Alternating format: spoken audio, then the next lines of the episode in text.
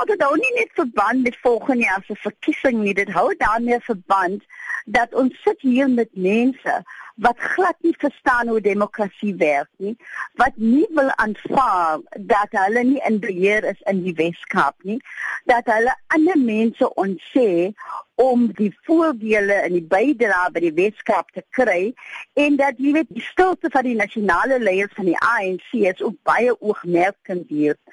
Maar as die DA gaan ons voort om 'n inklusiewe stad te bou, om 'n stad te bou wat omgee vir ons mense en ons gaan deur niemand gestop word nie. Ons is nie bang vir die ANC nie en ons sal voortgaan om die ons demokratiese regte gebruik om met mense te vergader in die Weskaap. Gisteraand se voorval in Filippi, het jy bedreig gevoel?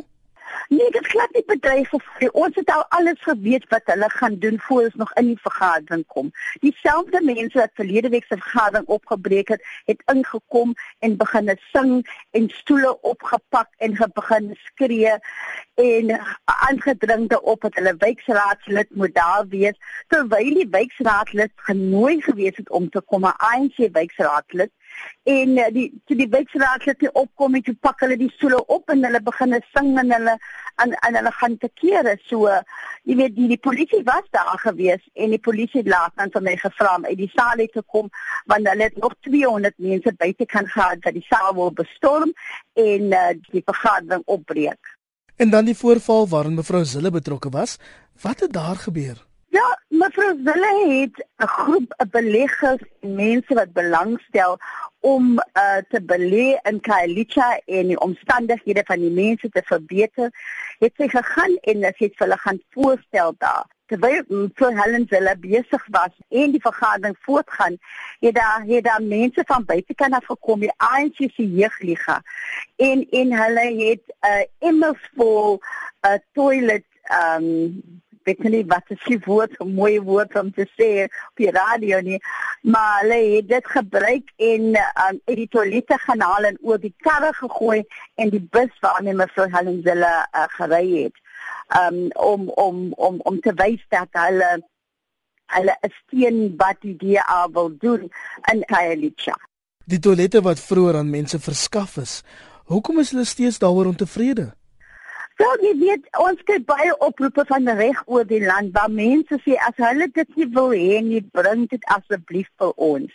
Dit is die jongste tegnologie waarby jy kan 'n spoeltoilet kry binne in jou huis. Waar die stad 3 keer 'n week kom en dit skoon te kom maak en dat mense nie hoef in die nag uit te sta uit uit hulle huise te gaan en in die donker te loop na die naaste toilet, toilet toe nie. En omdat dit so suksesvol is, meer as 11000 mense het alreeds uh, gemaak gebruik van die spoeltoilette en daar's nog 12000 mense wat op die lys is waarmee ons besig is om hulle uit te gee. As die ANC hulle hulle is mense wat nie wil dienste hê vir die arme mense nie. En uh, as die mense nie dienste kry nie, hulle kan die DA blameer dat ons geen dienste nie. Maar die Weskaap is nog altyd die beste vir dienslewering en dis hoekom so baie mense kom na die Weskaap toe. Is jy bekommerd oor die veiligheidssituasie by ander openbare vergaderings dalk vandag of die week? Nou, ek het nog 6 van hierdie publieke vergaderings wat ek al reeds beleed.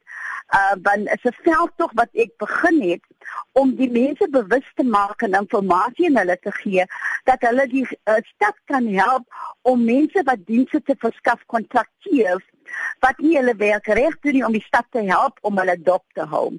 En daardie veldtog het ek aangekondig 2 weke gelede. Ek het nog steeds vergaderings om te gaan. Ek het donderdag aan weer 'n vergadering, volgende dinsdag weer 'n vergadering en ek gaan voort met my vergaderings. Ek gaan nie deur die ANC gestop word om mense te bemagtig met inligting wat tot hulle voordeel kan wees nie.